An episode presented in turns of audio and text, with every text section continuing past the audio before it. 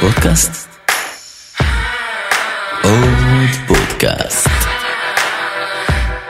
עוד פודקאסט לסטארט-אפים.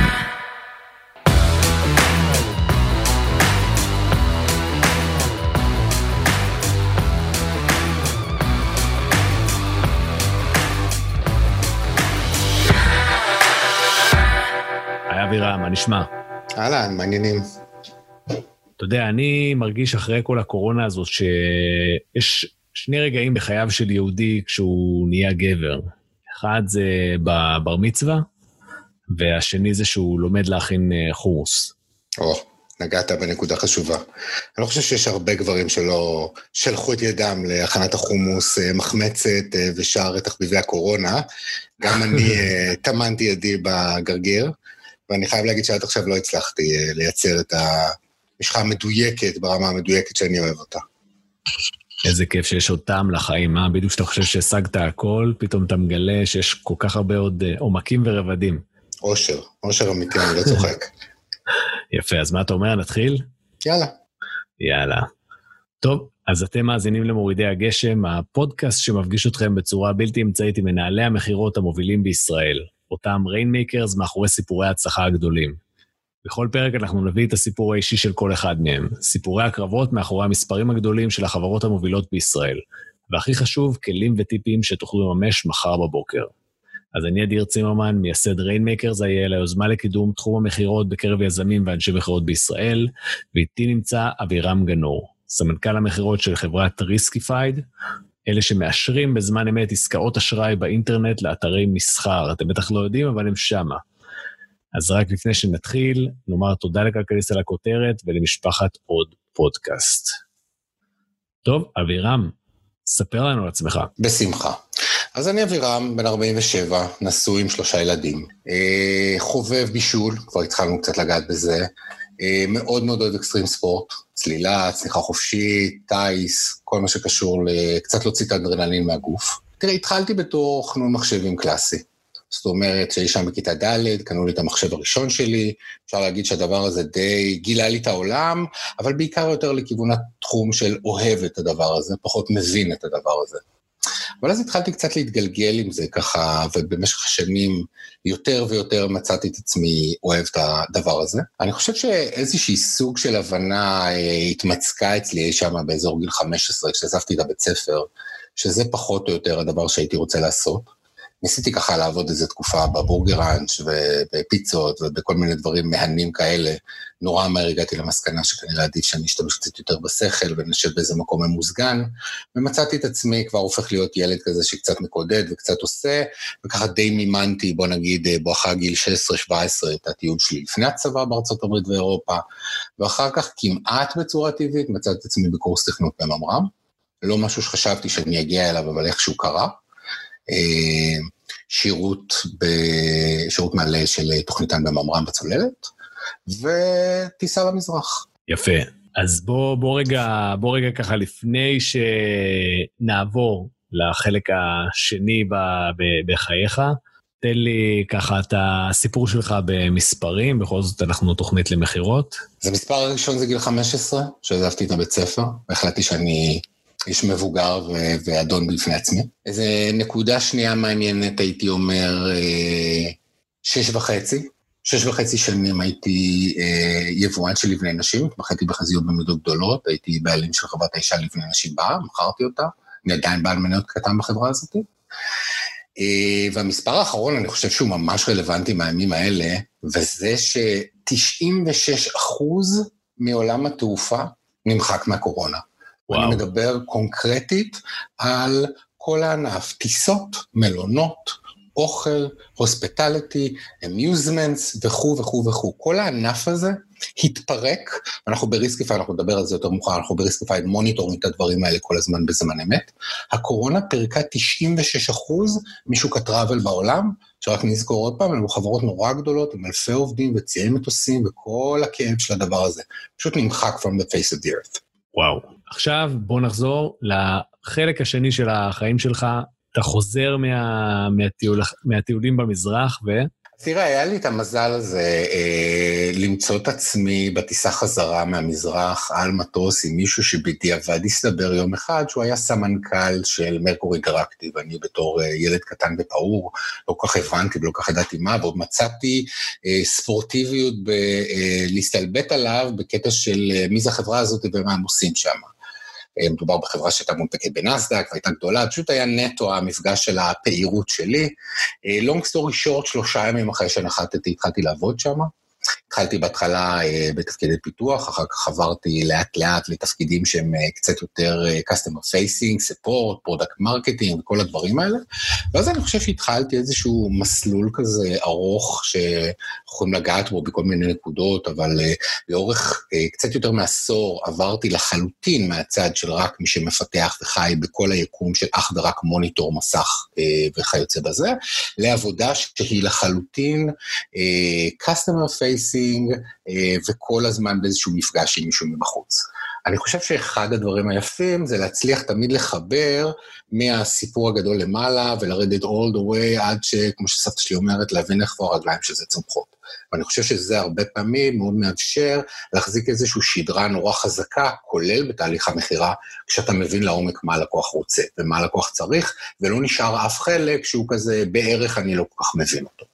כן. אה, אחרי מרקור אינטראקטיב המשכתי לעוד כמה סטארט-אפים, עבדתי בחברה קטנה שקוראים לה Active Names, אבל uh, תוך כמה שנים קטנות מצאתי את עצמי מקים משרד של חברה בשם אידיומה בניו יורק. Uh, הייתי שם כשנתיים, עד שנפלו התאומים, והדבר הזה די פירק את כל הענפים שהחברה שלי הייתה קשורה אליהם, הייתה קשורה למדיה ופרסום באינטרנט ופרסום בטלוויזיה. אני רק אזכיר לכולם, כמעט שישה חודשים אחרי אסון התאומים עוד לא שידרו שום דבר ולא היו פרסומות, והעולם הזה לא השתקם.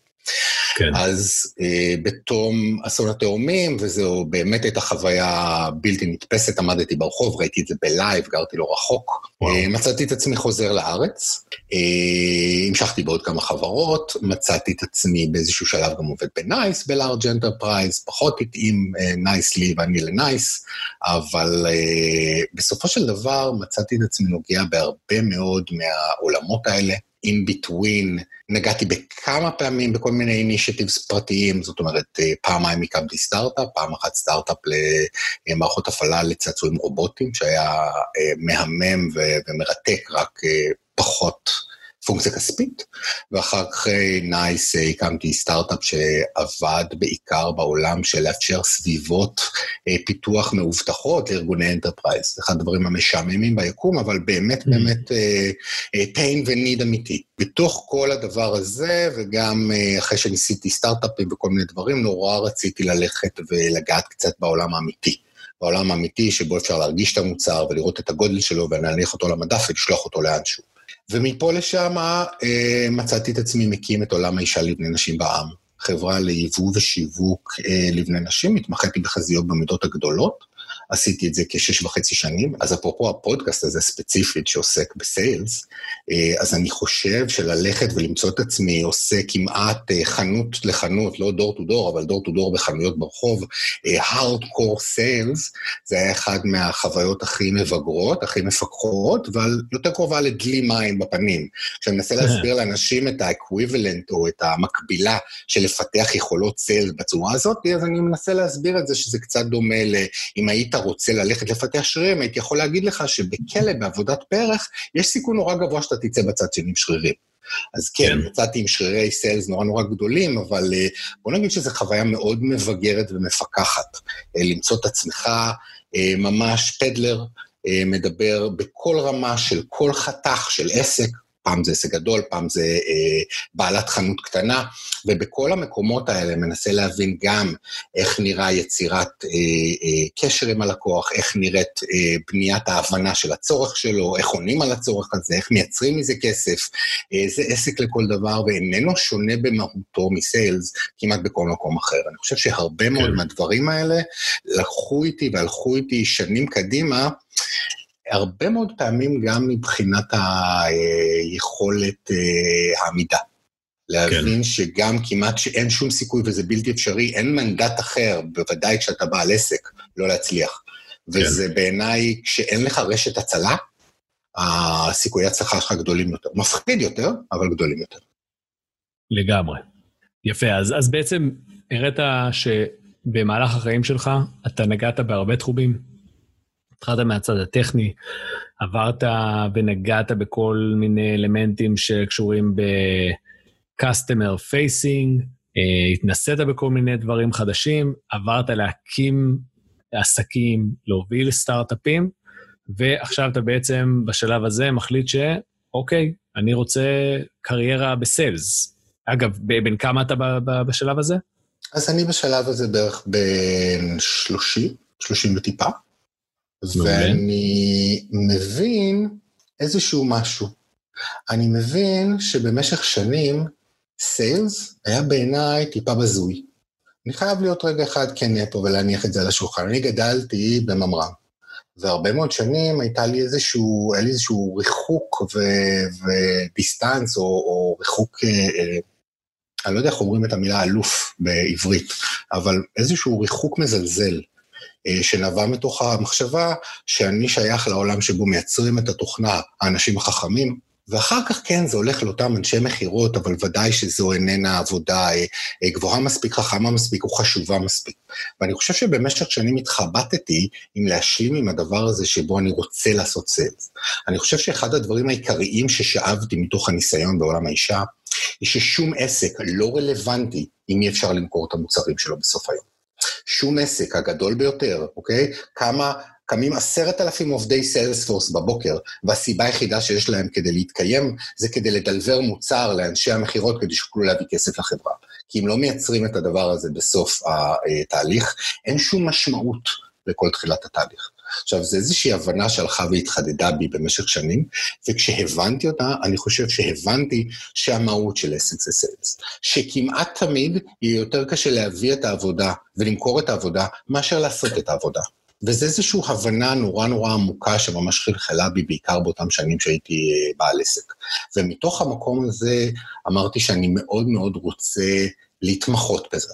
ולהפוך את זה לפרופסיה, וממש ללמוד את זה, וממש להיכנס לזה ברמה הכי מקצועית, כי לכולנו, אני חושב, באחורי הראש, אה, תמיד יש את אותה דמות אה, נלוזה של איש המכירות של המכוניות, או איש המכירות האגרסיבי, וזה לא ככה. העולם שלנו הרבה יותר מורכב לעולם של uh, מכירות מסובכות, uh, של uh, מוצרי תוכנה, זה לא עובד בצורה הזאת, ונורא ריתק אותי מתוך הדבר הזה לבוא in a way ולהביא את כל היכולות שלי ולנרקד אותם או למרכז אותם בדיוק בנקודה הזאת כמו לייזר. בתוך המקום הזה מצאתי את עצמי אה, עובד במנג'ואר, מנג'ואר אה, חברה ישראלית, נקנתה אה, now על ידי חברה גדולה יותר, אבל אה, בגדול היא הייתה סוג של מפיץ לכלי פיתוח של IBM. והתחלתי לעבוד שם, וזה אומנם היה בשוק המקומי הישראלי, אבל אה, אנחנו מדברים על כלי פיתוח. אה, וזה משהו שהוא מצריך המון המון מחשבה ואינטליגנציה והבנה עמוקה, ואני חושב שבתוך המקומות האלה ידעתי לבוא ולהביא הרבה מהידע והניסיון בפיתוח, וזה באמת שירת אותי בהרבה מאוד מהמקומות האלה. אבל אם יש איזושהי הבנה, או אם יש איזושהי תובנה שאני לוקח תמיד מהעבודה שלי ב-IBM, הייתה שהמנטרה של IBM היא במקום ללכת ולרדוף אחרי הטיפות, ואנחנו פה נמצאים ב-Rainmakers, הרעיון של IBM הוא לעמוד טוב, להקשיב, לפתוח עיניים, להסתכל טוב טוב, להבין איפה יש סערה עם מבול, לקחת דלי גדול וללכת לשם. זה שהוא צורת מכירה שונה לחלוטין, זו התנהגות שונה לחלוטין, IBM מתנהגת מאוד מאוד אגרסיבית, מאוד מאוד בולי, אבל uh, זו שיטה שבאה מהמון המון uh, כוח וניסיון. אה, תוך הזמן שהייתי שם, שלחו אותי גם ל-IBM Top Gun school, וגם למדתי שם כמה מהדברים והשיטות שלהם, אבל אני חושב שאחד הדברים העיקריים זה להבין ש-large scale enterprise לא נסגר ב-cold calling, הוא uh, uh, תהליך מאוד ארוך וקשה, אז כדאי כבר ללכת למקום שבו אפשר לעשות באמת כסף גדול. יפה. Uh, המשכתי שם, uh, ובאיזשהו שלב אני חושב שקצת מיציתי את הדבר הזה, ומצאתי את עצמי הולך, ל... מגיע איכשהו ל-Sisense. Sisense, חברה בין המובילות בעולם היום ל-BI. אה, מחזיקה full stack, כלומר גם את אה, כל מערכת ה-Backend, ה-Database, מערכות הנתונים, היכולת לערבל את הנתונים, אבל גם כל המסד הנתונים ברקע, תוך שהוא מציג. אז יש לנו גם את ה-front-end, והיכולת הזאת היא לבוא ולתת כלי BI למפתחים, הוא דבר אה, מאוד מאוד חשוב ומאוד מאוד גדול.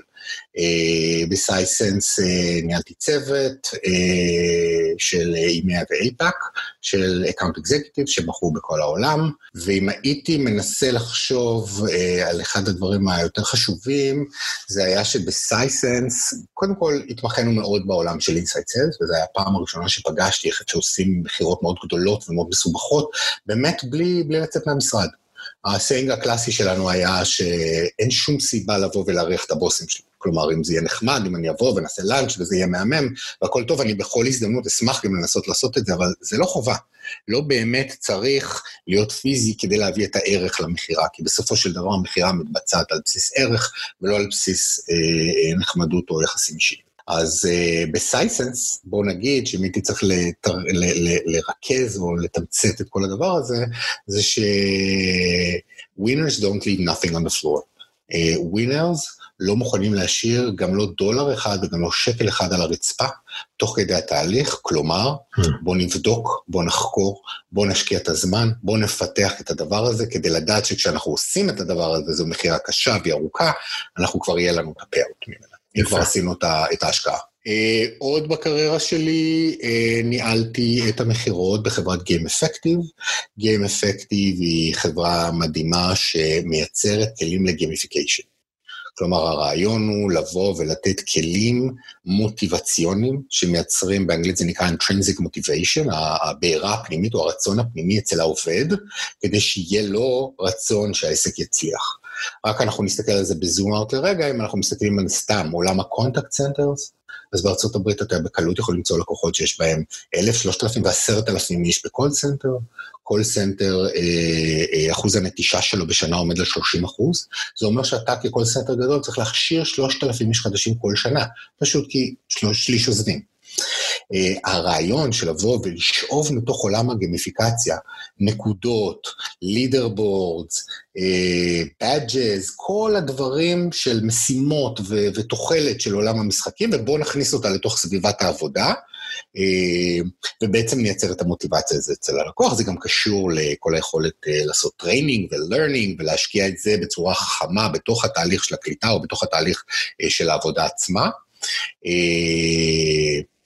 ו-Game Effective, אני חושב שעוד יותר התחדד לי, אפשר להסתכל על זה כמעט כמו כל transition בעבודה, איזשהו עוד משהו גדול שלקחתי לתוך עצמי, אז שב-Game Effective, אני חושב שיותר מהכל התחדד לי, שאם אתה לא מסוגל אה, לשייך ערך כספי, או שווי כספי ברור לערך שאותו אתה מנסה לתת ללקוח, אז אתה לא נותן באמת ערך. עכשיו בואו נעמוד על זה שנייה אחת, זה נורא נורא חשוב. כל היום זורקים אצלנו בתעשייה, צריך לתת value, אתה צריך לתת consultative sales, צריך להיות היועץ של הלקוח, חייבים לתת לו ערך בתהליך מכירה. לצערי יותר מדי פעמים הדבר הזה נזרק לחלל האוויר אה, בצורה ריקה. אה, אנשים לא מבינים מה הם מתכוונים, אז בואו אני אעשה את זה נורא מדויק. אם אתה לא יכול להסביר מה השווי הכספי של הערך שאתה מייצר עבור הלקוח שלך, אתה לא מייצר ערך ללקוח שלך. זה נורא פשוט. וזו, אני חושב, התובנה הגדולה ביותר אה, אה, שהבנתי. טוב, בואו נעבור לשאלה, לשאלה הגבוהה שלנו. מה דעתך על מצב הסיילס בישראל היום? תראה, מצב הסיילס לעיניי כל הזמן במגמת שיפור.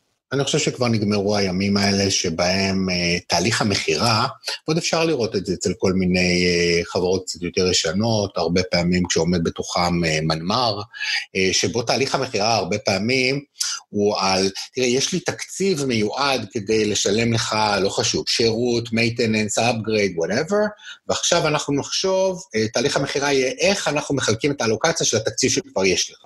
אז כן. אני חושב שהעולם הזה מת ונגמר. העולם הזה היה קשור מאוד בזה שחברות גדולות יכולו להכריח, או על גבול לאנוס את הלקוחות שלהם, לקנות את המוצר ללייסנס תמידי, ואז למצוא, למכור להם. Uh, למה זה רלוונטי מאוד מהיום, שונה מאוד מהיום? מכיוון שהיום כמעט כל החברות בעולם עברו לצורת מכירה של SaaS, או של leasing of the product, או אפילו IBM הגדולה עברו ל-termed licenses. כלומר, הבינו החברות הגדולות שכדי להמשיך לתת מוצרים בעלי ערך מאוד גבוה, אני צריך להשקיע כסף. כדי שאני אשקיע כסף, אני צריך לגבות כסף. אם אני גובה כסף, אני צריך לתת ערך. זה איזשהו מעגל של מרוץ חימוש שהחברות נכנסו אליו. מכירה היא דבר מסובך יותר היום, היא דבר קשה יותר היום, אבל אה, צריך להיות טובים יותר. אז נחזור לשאלה שלך. מכיוון שהעולם הזה הישן, שבו יש לך עוגה ואנחנו מתדיינים על איך לחתוך אותה, נגמר, אז אנחנו נמצאים בעולם אחר, וזה העולם שבו אנחנו, כמו שאמרתי מקודם, חייבים להיות מסוגלים לתרגם כל ערך שלנו לכסף. תראה, אני עדיין רואה כל מיני אנשי מכירות כאלה ישנים שנאחזים בעולם הישן ומתלוננים שהזיזו להם את הגבינה. אז אפשר, אפשר, אבל uh, בעיניי מכירות זה פרופסיה, לא בשונה מרופא ולא בשונה מטייס. לא יעלה על הדעת שמישהו שלא למד, התנסה ויודע איך עושים את זה, ינסה לעשות את זה ועוד בצורה uh, uh, טובה. אז אני כן. חושב שאני רואה היום יותר ויותר הבנה שכדי לעשות אה, מכירות טובות צריך להשקיע בבן אדם, צריך לפתח יכולות, צריך להשקיע את, ה, את המאמץ, אה, אבל יש מגמה מבורכת בשנים האחרונות, שאני ממש רואה את זה יותר ויותר נכנס ל... בוא נגיד, ה-level השונה לחלוטין כבר של איכויות המכירה עד היום. אוקיי, okay, אז אנחנו באמת אה, רואים אה, שאתה מתעסק הרבה בנושא של אה, הכשרת אנשים ו... ולעסוק במה הופך אדם לאיש מכירות טוב. וכשחשבנו על אה, נושא לפרק, אז דיברנו על אה, כל מיני סוגים של אה, מתודולוגיות בתחום הזה, שהופכים את הפרט לאיש מכירות הרבה יותר טוב. והמתודולוגיה שאמרת שאתה אישית הכי מתחבר אליה, זה מה שנקרא ה-Challenger Sale, ואני חושב שהמוטיבציה שה- שלנו לדבר על הנושא הזה היום היא סביב עסקאות מורכבות, עם ארגונים גדולים, דבר שדורש מאיתנו, כשבצד השני יושב לקוח שגם הוא חכם והוא, ונגיש לו המידע, וכל חכם, התהליך הזה, מנוסה. בדיוק, כל, כל התהליך הזה של, של, של מכירה, הוא הופך להיות סוג של אה, משחק אה, מוחות. ו, לגמרי, ו, לגמרי. ו, וזה כנראה תהיה, וזה, וזה פחות או יותר מה שמניע היום אנשים, לקרוא ולהשתמש במתודולוגיה הזאת, אתה תספר לנו איך אתה עושה, משתמש בה בריסקיפיי, וגם על הדרך תספר בעצם מה העקרונות של הדבר הזה. רק לפני זה נגיד על ה-Challenger Sales, שזה בעצם, קודם כל זה ספר שניתן לקרוא או לשמוע, זה למעשה מחקר. שנעשה לפני קצת יותר מעשור, נכון. וניתח מספר סוגי אנשי מכירות, וניסה להבין מי הסוג הכי מוצלח, שהביא את התוצאות הכי טובות, שהוא ה-Challenger, כפי שאתה תציג לנו אה, עוד שנייה. אז ה-Challenger says, בוא תציג את הדרך שלך, האינטרפטציה שלך אליו, וחוץ מזה אנחנו מעודדים את אה, מאזיני התוכנית ללכת ולקרוא ולשמוע את, ה, את הספר הזה, כי הוא באמת יכול לשנות את uh, עולמו של איש המכירות, מנהל המכירות, היזם או מי שיושב בבורד של uh, חברה. אז קח את זה מפה. אז קודם כל אני מסכים לחלוטין עם כל מה שאמרת. אה, נתחיל מהסוף ונגיד שמי שלא מכיר את הספר, ייטב לו גם אם איננו מאמין במתודולוגיה הזאת ולא חושב שהיא נכונה, ודאי ייטיב עם עצמו, אני אקרא אותה אה, ויחכים ויבין טיפה אה, עוד כמה דברים. אני חושב שככל שעוברים השנים, אתה מבין שישנם מספר אמיתות שלא משתנות. אה, ואני חושב שה-Challenger salesman אה, הגדיל והצליח לאגד בתוכו, כמו שאמרת, הרבה נתוני מחקר שבאים בצורה אמפירית ומדברים על למה נכון לעשות משהו בצורה אחת ולא בצורה אחרת. אז בואו נצלול לתוך הדבר הזה, ובואו נתחיל אולי באיזושהי חצי מילה על איפה אני היום ומה אני עושה, ואז אני אקשור את זה ללמה הגעתי למסקנה הזאת ואיך אני מיישם את זה. כן. אז אני היום סמנכ"ל המכירות של Riskified, Riskified סטארט-אפ ישראלי, אנחנו היום בערך בני שבע, אה, גודלים מאוד מאוד יפה, אה, סדר גודל של 550 איש, גייסנו אה, הרבה מאוד כסף בוולואציה של מעל מיליארד דולר, מצבנו נראה טוב, אנחנו נורא נורא מצליחים והכול בסדר גמור.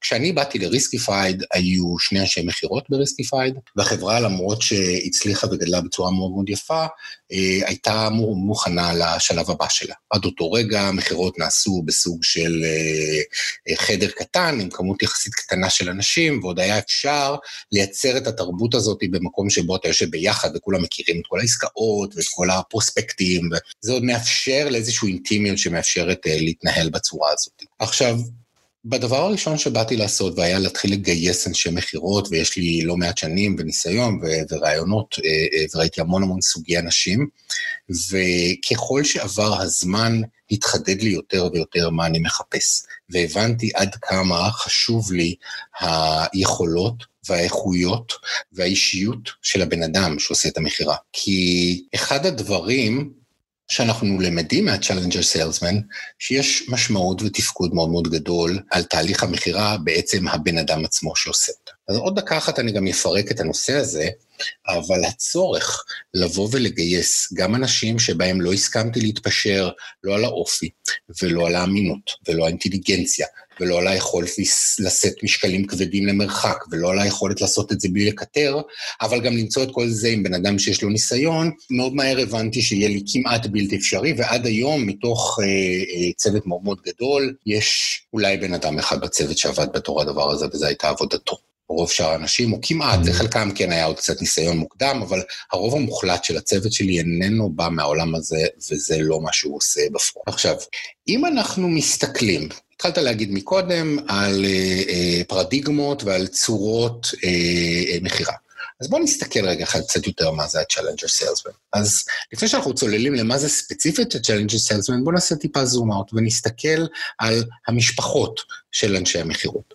אז אם אנחנו מסתכלים על, על כמעט כל מחקר, קל מאוד לבוא ולחלק את אנשי המכירות לכמה קבוצות עיקריות. יש לנו את העובד החרוץ, זה שהוא תמיד אה, לא מוותר, הוא משקיע, יש לו מוטיבציה, הוא כל הזמן מחפש איך לעשות ואיך להשקיע עוד ועוד עבודה קשה.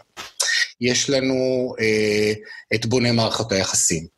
אה, האיש הזה שנמצא בקשר עם הלקוח, והוא יודע מתי יש לזאתי, אה, לבת שלה בת מצווה, ולזה מתי הוא סיים את הקולג', והוא נותן המון המון זמן, והוא ישקיע עליהם אה, בארוחות, וגם נורא נעים להסתדר איתו, בן אדם בכללי מאוד נעים. עוד ארכיטיפ קלאסי שאנחנו רואים זה הזאב הבודד.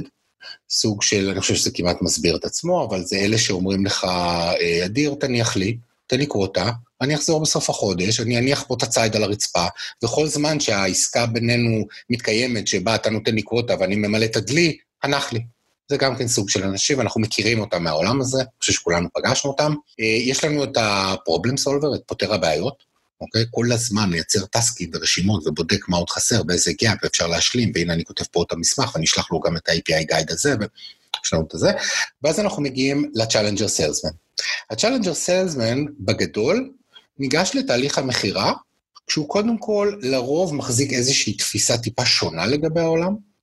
אין לו שום בעיה אה, להיכנס לוויכוח, כלומר, הוא לא אה, נמנע מעימותים, אני לא אומר להיות אגרסיבי בשום אופן, אבל לא נמנע מעימותים, ואין לו בעיה קצת לדחוף את הלקוח בכיוון שהוא רוצה. כלומר, הוא פחות מפחד לבוא ולקחת את האחריות על השיחה ועל התהליך מכירה. עכשיו, אתה יודע, על פניו, ו, וכמעט כל איש מכירות, אה, ודאי מנהל מכירות שמתחיל, שואל את עצמו את הדבר הזה, אז מה זה באמת משנה?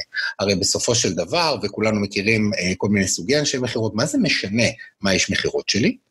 כל זמן שאני יודע שבסופו של יום, קל לי מאוד למדוד את ההצלחה, אנחנו בסופו של דבר יושבים בסיילס, ואנחנו כמעט אחת הפונקציות הקלות ביותר להימדד בעולם, מניחים אותנו על משקל, שוקלים משקלנו בזהב, רואים בדולרים כמה הבאנו, אין פונקציה קלה יותר להערכת השווי שלה בחברה. אז על פניו אתה יכול להגיד לי, אבל אבירם, תראה, אם איש המכירות שלי חזר בסוף החודש, והוא מצליח לעמוד בטארגט או בקוטה, ורפיטדלי הוא מצליח לעשות את זה לאורך זמן, אז מה זה משנה בעצם אה, מה, מה הסוג שלו, או למה זה טוב? טורית שהייתי עונה לך ישר אה, בקלות, מכיוון שאין ספור מחקרים, גארטנר, פורסטר, BCG, כל מחקר שאתה תיקח ליד, יגיד לך שה... ההשפעה הגדולה ביותר על תהליך המכירה, או מכאן הסיכוי הגבוה ביותר להגדיל את הסיכוי לנצח את העסקה, אה, יושב על איש המכירות. בגדול, רק ככה טיפה לסבר את האוזן למי מאיתנו שלא מכיר, אז אה, אה, אה, כשמודדים את האימפקט, מחלקים אותו למספר סוגים. אה, השווי מחיר או היחס מחיר לערך אה, אה, למרות שאנשים הרבה פעמים חושבים שעסקאות נסגרות על מחיר, זה כמעט הדבר הנמוך ביותר, 9% מהעסקאות נסגרות על המחיר. איכות המוצר, איכות השירות, גודל החברה, גודל ה brand, כל אלה במקרה הטוב הצדיקו 19% מהמכירות, וכמעט 53% מהעסקאות שנסגרות בהצלחה, קורות על ידי העובדה שאיש המכירות הצליח באופן אקטיבי להשפיע על תהליך המכירה. עכשיו, מה זה אומר להשפיע על תהליך המכירה? אז על פניו, אני אגיד משהו, זה נורא נורא פשוט. הבעיה היא הרבה פעמים שלתרגם את הנורא נורא פשוט, ואני מיד אפרק את זה, הנורא נורא פשוט הזה עולה בהרבה מאוד השקעה, אוקיי? וזה, וזה בדיוק העניין. אני חושב שהגישה הקלאסית של המודל, הוא איך אני יכול ללמד, אוקיי? את הלקוח בצורה אקטיבית, תוך כדי התהליך, מה הכי טוב לו, כשאני מנסה לעזור לו להגיע להחלטה, כשכמובן אני אה, אה, אה, נמצא בפרונט, אבל כל דבר שאני אעשה יהיה כדי לגעת במקרה הספציפי, בתהליך המכירה הספציפי, לעסקה הספציפית, ללקוח הספציפי. אף פעם לא אבוא עם מצגת גנרית, אף פעם לא אבוא עם רעיונות של בערך. תמיד אלך ואעשה את העוד אה, אה, מחקר ועוד דבר, אבל בגדול, כל הדברים האלה שנמצאים בצד הזה או בטור הזה של העבודה הקשה, קונים לי את הזכות לבוא ולקחת אחריות על השיחה ולנסות להוביל את זה מתוך מקום של בדקתי, חקרתי, אני יודע. אז מה זה אומר? זה אומר שכמעט בכל תהליך מכירה, וזה אני חושב אפשר היום לבוא ולקשור מקומפלקס B2B SaaS Sales ועד חזיות, and anything in between. כמעט תמיד זה יאפשר לנו אה, להוציא את המיטב מהתהליך. ואני אסביר, אני אנסה לתת דוגמאות קונקרטיות לדבר הזה. קודם כל, כקונספט, כשאתה ניגש לתהליך המכירה, תהיה פרנואיד, תחשוב שהדברים לא הולכים להסתדר, ותניח מראש שאתה צריך לקחת אחריות כדי שהם יסתדרו, אוקיי? עכשיו, אדיר, אני אגיד את המשפט הקלאסי של assumptions is the mother of all fuck, fuck ups. עכשיו, אני לא יודע אם אנחנו רוצים לשדר את זה, או שזה רלוונטי, או שאתה רוצה שאני אעבור לאנגלית, אבל עדיין, עדיין, אוקיי, יש גם את המשפט המצחיק הזה באנגלית, never assume, נכון? because assume is made up of an, assume makes an ass of you and me. אם אתה לוקח את המילה assume, זה ass, you, me. אבל uh, כל הרעיון בא ואומר בעצם, ברגע שאני לא מניח שיהיה בסדר, אני לא מניח שהלקוח יודע, אני לא מניח שהוא מבין את המוצר שלי, אני אשקיע את הזמן, אני אלך אחורה, אני אקרא על החברה, אני אסתכל על הדוחות, אני אלך ללינקדאין, אני אחפש מה החברה הזאת עושה ואיך משפיע ומה המנכ"ל שלה אמר.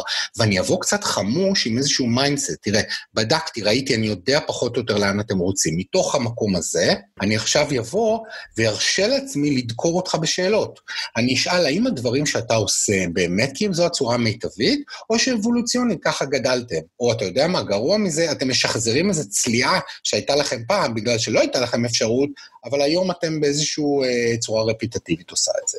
אז היכולת שלי לבוא ולשאול את כל השאלות האלה ולדקור קצת את ה... למה אתם עושים כל מיני דברים. שוב פעם, יושבת על היכולת שלי להבין כבר את העולם של הלקוח. אני לא מניח שהלקוח אה, יודע מה אני עושה, ואני מניח מראש שאני צריך לדעת טוב מאוד מה הוא עושה.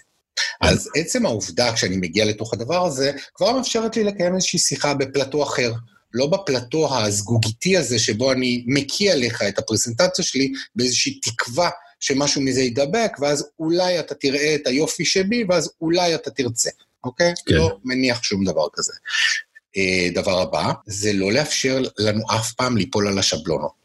עכשיו, יש לנו אה, שני סוגים של אה, מוחות בראש, אפשר לקרוא את הספר הקלאסי של דניאל כהנמן, Thinking Fast Slow, אבל בגדול יש מערכת אוטונומית שעונה כמעט בצורה אוטומטית, ויש את המערכת החושבת. המערכת החושבת היא מערכת מאוד עצלנית, היא לא אוהבת להתעורר, ולכן כמעט תמיד אנחנו נעדיף לקחת את הפרזנטציה שעבדה, להרביץ את הפיץ שעבד, ללכת על אותם אה, אה, צעדים שכבר ידענו שהם עובדים. ופה בדיוק המקום שאני בא ואני אה, דוקר את הדבר הזה, ואני אומר לא.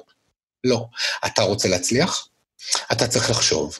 אתה צריך לחשוב ולנסות להבין איך אפשר בסיטואציה הנוכחית לתת יותר ערך. אני מזכיר מתחילת השיחה, ערך שווה כסף. אתה יכול לעשות את זה? תגיש. אתה לא יכול? אל תגיש. כן. אל תגיש לי את התבשיל אה, אה, מיקרו המחומם שלך, באיזו שאיפה שאני אצליח לראות דרך כל הקרטון את היופי שלך. זה פשוט לא עובד ככה בעולם האמיתי. עכשיו, יותר מזה, המחשבה זה היא שה-challenge of salesman נכנס לסיטואציה בהבנה שמכירה גדולה עם הרבה כסף והרבה ערך לא תתבצע כי אני נחמד, היא לא תתבצע כי אוהבים אותי, וזה האמת לא ממש משנה אם אוהבים אותי. המטרה שלי היא לחפור מספיק עמוק עם קונגו, להתאמץ מאוד כדי להביא ערך קונקרטי, כי הרבה פעמים ברגע שאני אצליח לעשות את זה, אנחנו נהפוך את התהליך והוא יהפוך להיות shut up and take my money. כי. בשנייה כן. שהלקוח יבין שהאלטרנטיבה של בלעדיי גרועה יותר, באותו רגע יהיה לי איזשהו סיכוי אמיתי לממש את המכירה. עד אותו רגע אני בלקוות, וזה לא הביזנס שלי בלקוות. עכשיו, בואו נסתכל על מה אמרנו, אוקיי? אמרנו, אני אשקיע את הזמן ללמוד את הלקוח, אני אשקיע את הזמן to qualify את הלקוח, אני אחשוב על כל השאלות החכמות, אני לא אעלה פרי סטייל לשיחה, אני אבוא ואני אשאל את כל השאלות האלה כדי לדעת עם מה אני יוצא בסוף השיחה, אוקיי? האם החברה היא מתאימה לי, אם הם בגודל הנכון, איך הם עושים את התהליך מכירה, אם אני יכול להתחבר לזה, אם יש כסף, כל הדברים החשובים האלה, אני מתרכז ואני חושב איך אני אביא אותם לידי ביטוי, ואז בסופו של דבר אני מנסה לקנות את המקום שלי בתוך העסקה, מתוך המקום שאני גם נותן ערך. הצלחת? יופי, אפשר לדבר. לא הצלחת? אין לך business. אל תגיש לי את התבשיל המחומם שלך. עכשיו, זה נשמע נורא קל. הבעיה היא, אחד, שאנחנו בתור הומו uh, סייפיאנס נוטים מאוד לעצלנות ולדחיינות, אז נורא מהר אנשים נופלים לשבלונות של מה שעובד להם. Challenger salesman מבקש ממך להתאמץ כל פעם מחדש. להתאמץ כל פעם מחדש אדיר, גם כשאתה יודע שבמקרה הטוב, בעולם ה SaaS, שש מעשר אינטראקציות כאלה שהתאמצת ילכו לפח, וזה במקרה כן. שאתה סופרסטאר. כן. אוקיי? סופרסטאר. במקרה המציאותי יש פעמים שתשע מתוך עשר זה ילך לפח, ואתה תהיה בסדר גמור עם זה. אז אני הרבה פעמים אני אומר לאנשים, תסתכל, sales זה המקבילה ללטפס על קיר משומן ב-89 מעלות. נורא נורא נורא קשה. אוקיי? כן. אם מצליחים, אגב, יש פרס מהמם. העניין הוא שאני תמיד אומר, כולם מוזמנים לנסות. זה לא שאסור לנסות. זה פשוט נורא מעט מצליחים. הרבה מאוד פעמים אתה תראה שאנשים כאילו מסתכלים על התהליך מכירה שלהם בתור איזשהו צינור גדול של כמה מים הם מכניסים בלחץ בצד אחד, וכמה אפקטיביות יוצא בצד השני. מה שהם לא לוקחים בחשבון זה כמה טיפות נוזלות באמצע, וכמה תהליך שלהם משאיר סיכויים לדבר הזה להיכשל. אז קל להגיד, בואו נתאמץ כל פעם מחדש, במציאות, לכל מי שעשה איזושהי עבודה סיזיפית בחייו, אוקיי? יודע עד כמה מהר הדבר הזה אה, נהיה קשה. עד כן. כמה אתה צריך לבחור בבוקר ולרצות לדחוף את השמש מחדש כדי שזה יצליח. כמו שאמרנו, נקרא דוחות פיננסיים, נחפש איזושהי זווית שיש, נחפש את כל מי שאני מכיר בלינקדאין, נכתוב את המצגת, נכתוב מסמך. יש לי עובד, סופרסטאר, שריסנטלי באיזו עסקה נורא נורא גדולה, אני מאוד לא רוצה לחשוף פה לא שמות ולא דברים, הגיע למצב שמרוב שלא היה לו כבר מה להגיד ללקוח, ואצלנו אין דבר כזה שאתה יכול אה, לשלוח אימייל, רק אה, מציף לך את זה ללמעלה של האינבוקס, או אה, להגיד לך, היי, אני רק מתזכר אותך על המייל שלא ענית, כל הדברים האלה לא עובדים, כי בעולם האמיתי ב-2020 כולם קוראים את כל ההודעות שלהם, אין כן. אף אחד ששלחת לו הודעה ולא ענה לך כי הוא לא ראה אותה. אין דבר כזה. לא ענו לך כי לא רוצים לענות לך. אז מראש אתה לא מורשה לעלות לשיחה בתור uh, גיים. אוקיי? כן. וברגע שאתה עולה מוכן, אתה מראש, יש לך הרבה יותר ערך להכין וערך לתת. עכשיו, אה, אחד, תהיה מוכן להתמודד עם הקושי הזה. שתיים, תהיה מוכן להפסיד, לא, לא פעם. שלוש, אה, preparation, preparation, preparation. זה לא עובד בלי, אוקיי? ארבע, לא לפחד לשאול את השאלות הכי קשות בעולם. הרבה פעמים אני אומר לאנשי מכירות חדשים, שאם לא נעים להם, יש אנשי מכירות שלא נעים להם. לא נעים להם לשאול אם אתה, שעכשיו מספר לי שאתה decision maker, בוא תסביר לי שנייה אחת איך זה מתקשר בתוך התהליך, ולשאול את השאלות הקצת פחות נעימות, אלה שטיפה מוציאות את האווירת צמר גפן המתוק מתוך השיחה. כן. אז הרבה פעמים אני אומר להם, שאם קשה להם נורא ולא נעים להם, שזו סיטואציה ככה to deflate את השמחה, אז אני מבקש מהם לדמיין אותם, אחר כך באים אליי לשיחה, וכשאני שואל אותם מה קרה, הם לא יודעים לענות לי. אמרתי להם, אם אתם צריכים לפחד ממשהו, יפחדו ממני, זה הרבה יותר יעיל מאשר לפחד מהלקוח. אה, בסופו של דבר יש מטרה, יש מטרה, אוקיי? אני לא נכנס לפה כדי לא לפחד בטעות לנשוף לכיוון הלא נכון, ואז תתפוצץ איזה בועת סבון עדינה. לא, אני בעניין של לעשות עסקה. כדי לעשות עסקה, צריך ששני הדברים ירצו. שני הדברים ירצו, שני הצדדים ירצו אם אני אתן ערך. הצד השני לא רוצה לקנות ממני בולשיט, הוא רוצה לקנות ערך, לרוב לא קורה הדבר הזה. אני מנסה למכור לו אוויר חמש שקל, זה לא מצליח, אני כועס על הלקוח. אז אני אומר, אני מחייב אותך להיכנס, לעשות את ה-preparation, לשאול את כל השאלות הקשות, אבל אז, בייסט על כל הדברים האלה, תחשוב על זה אה, בצורה מסוימת, הלכתי ובניתי לי במה. פלטפורמה. כן. Uh, שמתי ידע, עליו שמתי uh, התכוננות, עליו שמתי שאלות קשות, אבל בסופו של דבר אני מגיע למקום שבו אני מרשה לעצמי לעמוד על פלטה שהיא טיפה יותר גבוהה וגם להביע עמדה. וקרה לי לא פעם שמצאתי את עצמי טס לצד שני של העולם, uh, לאוסלו, לדבר עם איזה מנהל גדול של איזה חברת תעופה גדולה, ולהסביר לו מה אני חושב, לא נגמר טוב. לא נגמר טוב, הוא mm-hmm. מאוד לא אהב את הישירות הישראלית שלי, אבל אני מוצא שזה חלק מה... המקצוענות שלי, להגיד מה אני חושב, ואני אה, מאוד אה, מוכן להשקיע קשה ולעבוד קשה כדי לקנות לעצמי את הזכות להגיד את זה. אבל בלי כל הדברים האלה, אין לי זכות. אין לי זכות קיום בעיניי כדי להצליח לעשות את המכירה. אה, והדבר האחרון, אני רק אסכם את זה בזה, את כל, ה, את כל הקונספט הזה. אדירי, אין לך מה להגיד, אל תגיד כלום. אין דבר כזה. אה, ללחוץ כל הזמן על אותו כפתור, על ה-one trick pony הזה, לנסות להציק לך ולנסות לרדוף אחריך, כאילו הדבר היחידי שהפריד בינך לבין המיליון דולר, זה זה שהוא אה, שכח לחזור אליך בהודעה. הלוא זה שטות גמורה, אוקיי? זה לבחור אה, אה, לצייר את הדבר הזה בצורה שהיא מאוד לא אה, אה, מפוקחת, אלא מאוד ילדותית. כן. אז נסכם בלהגיד שאם אין לך מה להגיד, אל תגיד כלום. יפה. אז, אז אני, יש לי מה להגיד. אני חושב שיש פה עוד איזה, עוד איזה רובד אחד שאפשר לגעת בו, מעבר לכל מה שסיכמת. זה, אני חושב שגם uh, מדברים עליו בספר באיזושהי רמה, זה עניין של לדעת להכיר את, את הלקוח שלך, לדעת לתת לו כמה אינסייטים, שבסוף ירקמו לכדי שינוי התפיסה שלו, הפרדיגמה שלו.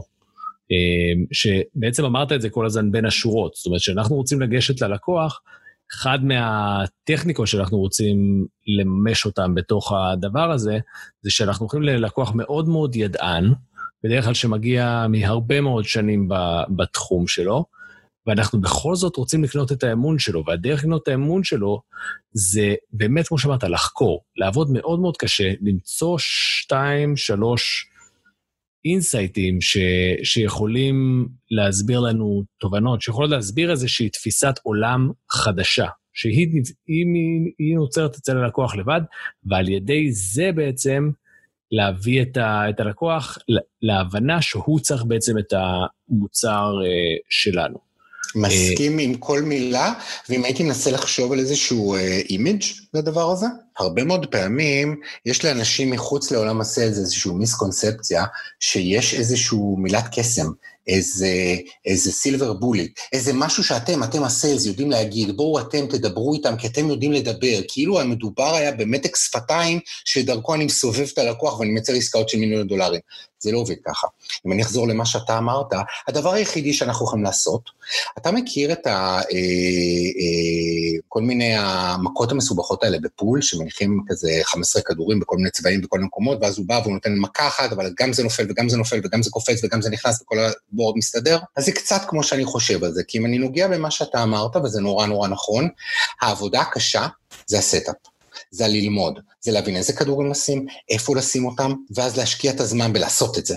כי כמו שאמרת, זה לרוב תעשייה שהיא לא שלי, אני לא מכיר אותה טוב כמו לקוח, וכדאי שאני אכיר אותה לפחות. אבל זה כל הזמן שבו אני מתכנן את ה trick shot, אני מניח את הכדורים במקום, ואני ממש בוחן ובודק את הדברים האלה. כי בסוף, כי בסוף, הכוונה היא להניח אותם בצורה כזאת, או לעזור ללקוח להניח אותם בצורה כזאת, שבסוף אני אוכל לתת מכה אחת קטנה, וכמו מכונת רובינשטיין, זה ילך ויפול ממכה למכה עד שאצלו ירד האסימון. אבל כדי שהקסם הקטן הזה יקרה בסוף התהליך, נדרשת כל העבודה הזאת של המחקר, הכנה, התכוננות ועבודה קשה לפני, אז אולי יכול להתרחש הקסם בסוף. אבל הקסם שאותו רואים בסגירת עסקה, בזה שהלקוח מבין, הוא רוצה, היא כמעט תמיד באמת ה-tip of the iceberg, שלא רואים למטה את כל העבודה הקשה. אני מאוד מתחבר למה שאתה אמרת, במובן הזה שכדי לעזור ללקוח לקבל החלטה טובה ומיטבית עבור עצמו, אני צריך לדבר בשפה שלו, להבין את העולם שלו, למצוא דברים שהוא, למרות עם כל הניסיון והזמן, לא מצא, לבוא עם איזשהו industry standard expert knowledge, לדעת איך בדרך כלל התעשייה שלו מתנהגת, איך בדרך כלל הוא צריך לצפות, לשבת ולכתוב את המצגות שיתאימו לו, למצוא את ה-case studies כדי למצוא תימוכים מספריים בכל תיאוריה שאני מניח, כי אחרת זה הופך להיות he said, she said. אוקיי? וכל הדברים האלה היא המקבילה לתמונת אה, דמיון שלי, שבו אני מניח את כל הכדורים, כי בסוף אני נותן מכה אחת, ואני מקווה שהדבר הזה באמת יפיל את הכדור לתוך התודעה שלו בצד שני. יפה. אז אה, קודם כל לא תאמין, אבל אה, זמננו תם. אז... היה ממש כיף עד עכשיו. לגמרי, לגמרי. אז, אז אני, אני רק אגע בכלליות בדברים שסקרנו פה, דיברנו על ה-Challenger Sale. אה, דיברנו על איזה עוד סוגי אנשי מכירות אה, יש, ודיברנו על מה אותו Challenger עושה. נתת את האני מאמין שלך בנוגע ל Challenger Sales, ואני חושב שזה זמן טוב לעודד שוב את המאזינים. אחד, גם תשמעו, תקראו את הספר, וחוץ מזה, תיכנסו ליוטיוב, פשוט תחפשו על זה, תחפשו Challenger Sales, תמצאו שם המון המון אינטרפרטציות לספר הזה. תמצאו נכון. הרבה אנשים שמדברים עליו, וכל אחד, ויש כאלה שמתנגדים, ויש כאלה שבעד, ויש כאלה שאומרים, מה שהסופר בעצם מתכוון זה א', וחלק מה שהוא אומר זה ב'. באמת אין סוף להעמקה וב, וברבדים שאני בטוח שנגענו רק בחלק קטן מהרבדים של, ה, של הדבר הזה.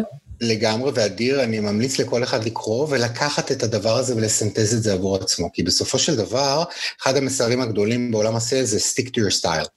do not imitate, אל תחכה מישהו אחר, stick to your style. אז תקרא את הספר, תוציא את האינסט שרלוונטיים אליך, תרגם אותם לשפה האדירית שלך, ותיישם אותם. זה לא לקרוא, ואז שם כתוב א', ב', ג', זה לא מתכון לעוגה. אבל זה כן מזמין אותך לפתוח איזשהו צוהר לצורת חשיבה, שאם תוכל להוציא ממנה כמה דברים, ודאי יקדמו אותך. טוב, אז עם זה נעבור לסיכום שלנו, ואבירם, תן לנו איזה מסר לאומה, תשאיר אותנו עם איזה משהו שיהדהד בנו בתחום הסיילס. אני חושב שסיילס אחד הדברים המדהימים והמרגשים והמתחדשים אינסופית. עשיתי המון המון נגיעות בעולם הסופטוור ובעולם ההייטק בכלל. אין משהו מרתק כמו ה-Human Challenge. אם יש משהו שאני נהנה ממנו, זה אותו משחק שח מחשבתי. כשמסתכלים היום על, על B2B Sales או על Complex Sales, אנחנו מדברים בעצם על Extreme Team Sport. זה לא private sport, זה לא נגמר בבן אדם אחד שהולך, זה לא מסוגל לקשור גם אצל הלקוח צוותים וגם אצלך צוותים וגם לעשות. כדי להצליח בדבר הזה, זה דורש מאיתנו המון תכנון וביצוע מושלמים. זה לא קל, זה לא פשוט, אבל בעיניי זה גם עם payout גדול, וזה לא מפסיק אה, להנות אותי לפחות, ה roller coaster הלא נגמרת הזאת, ואני מקווה שזה לא ייגמר. יפה, יפה מאוד. אה, טוב, אז אני הייתי אדיר צימרמן, ותודה לאבירם גנור על הרבה מאוד תובנות ששיתפת איתנו, על הסטייל הייחודי שלך, אה, שהוא ממש inspiring, אה, מה שנקרא, מותיר בנו השראה. אה, ובאותה הזדמנות נזכיר שמעבר לפודקאסט יש לנו קבוצת מיטאפ שמקיימת מפגשים וסדנאות. כדי ללמוד על הפעילות של הקבוצה, תחפשו אותה אתר meetup.com, נקראת Rainmakers.il. מעבר לכך, יש לנו קהילה בפייסבוק שמורכבת מאנשי מכירות ויזמים ועוסקת בנושא המכירות, אז אתם מוזמנים לחפש גם אותה בפייסבוק, היא נקראת Super Sellers. אז אבירם, המון המון תודה, היה אחלה. תענוג אדיר, היה עונג וכיף לא נורמלי, תודה. אז נשתמע, ביי. ביי ביי.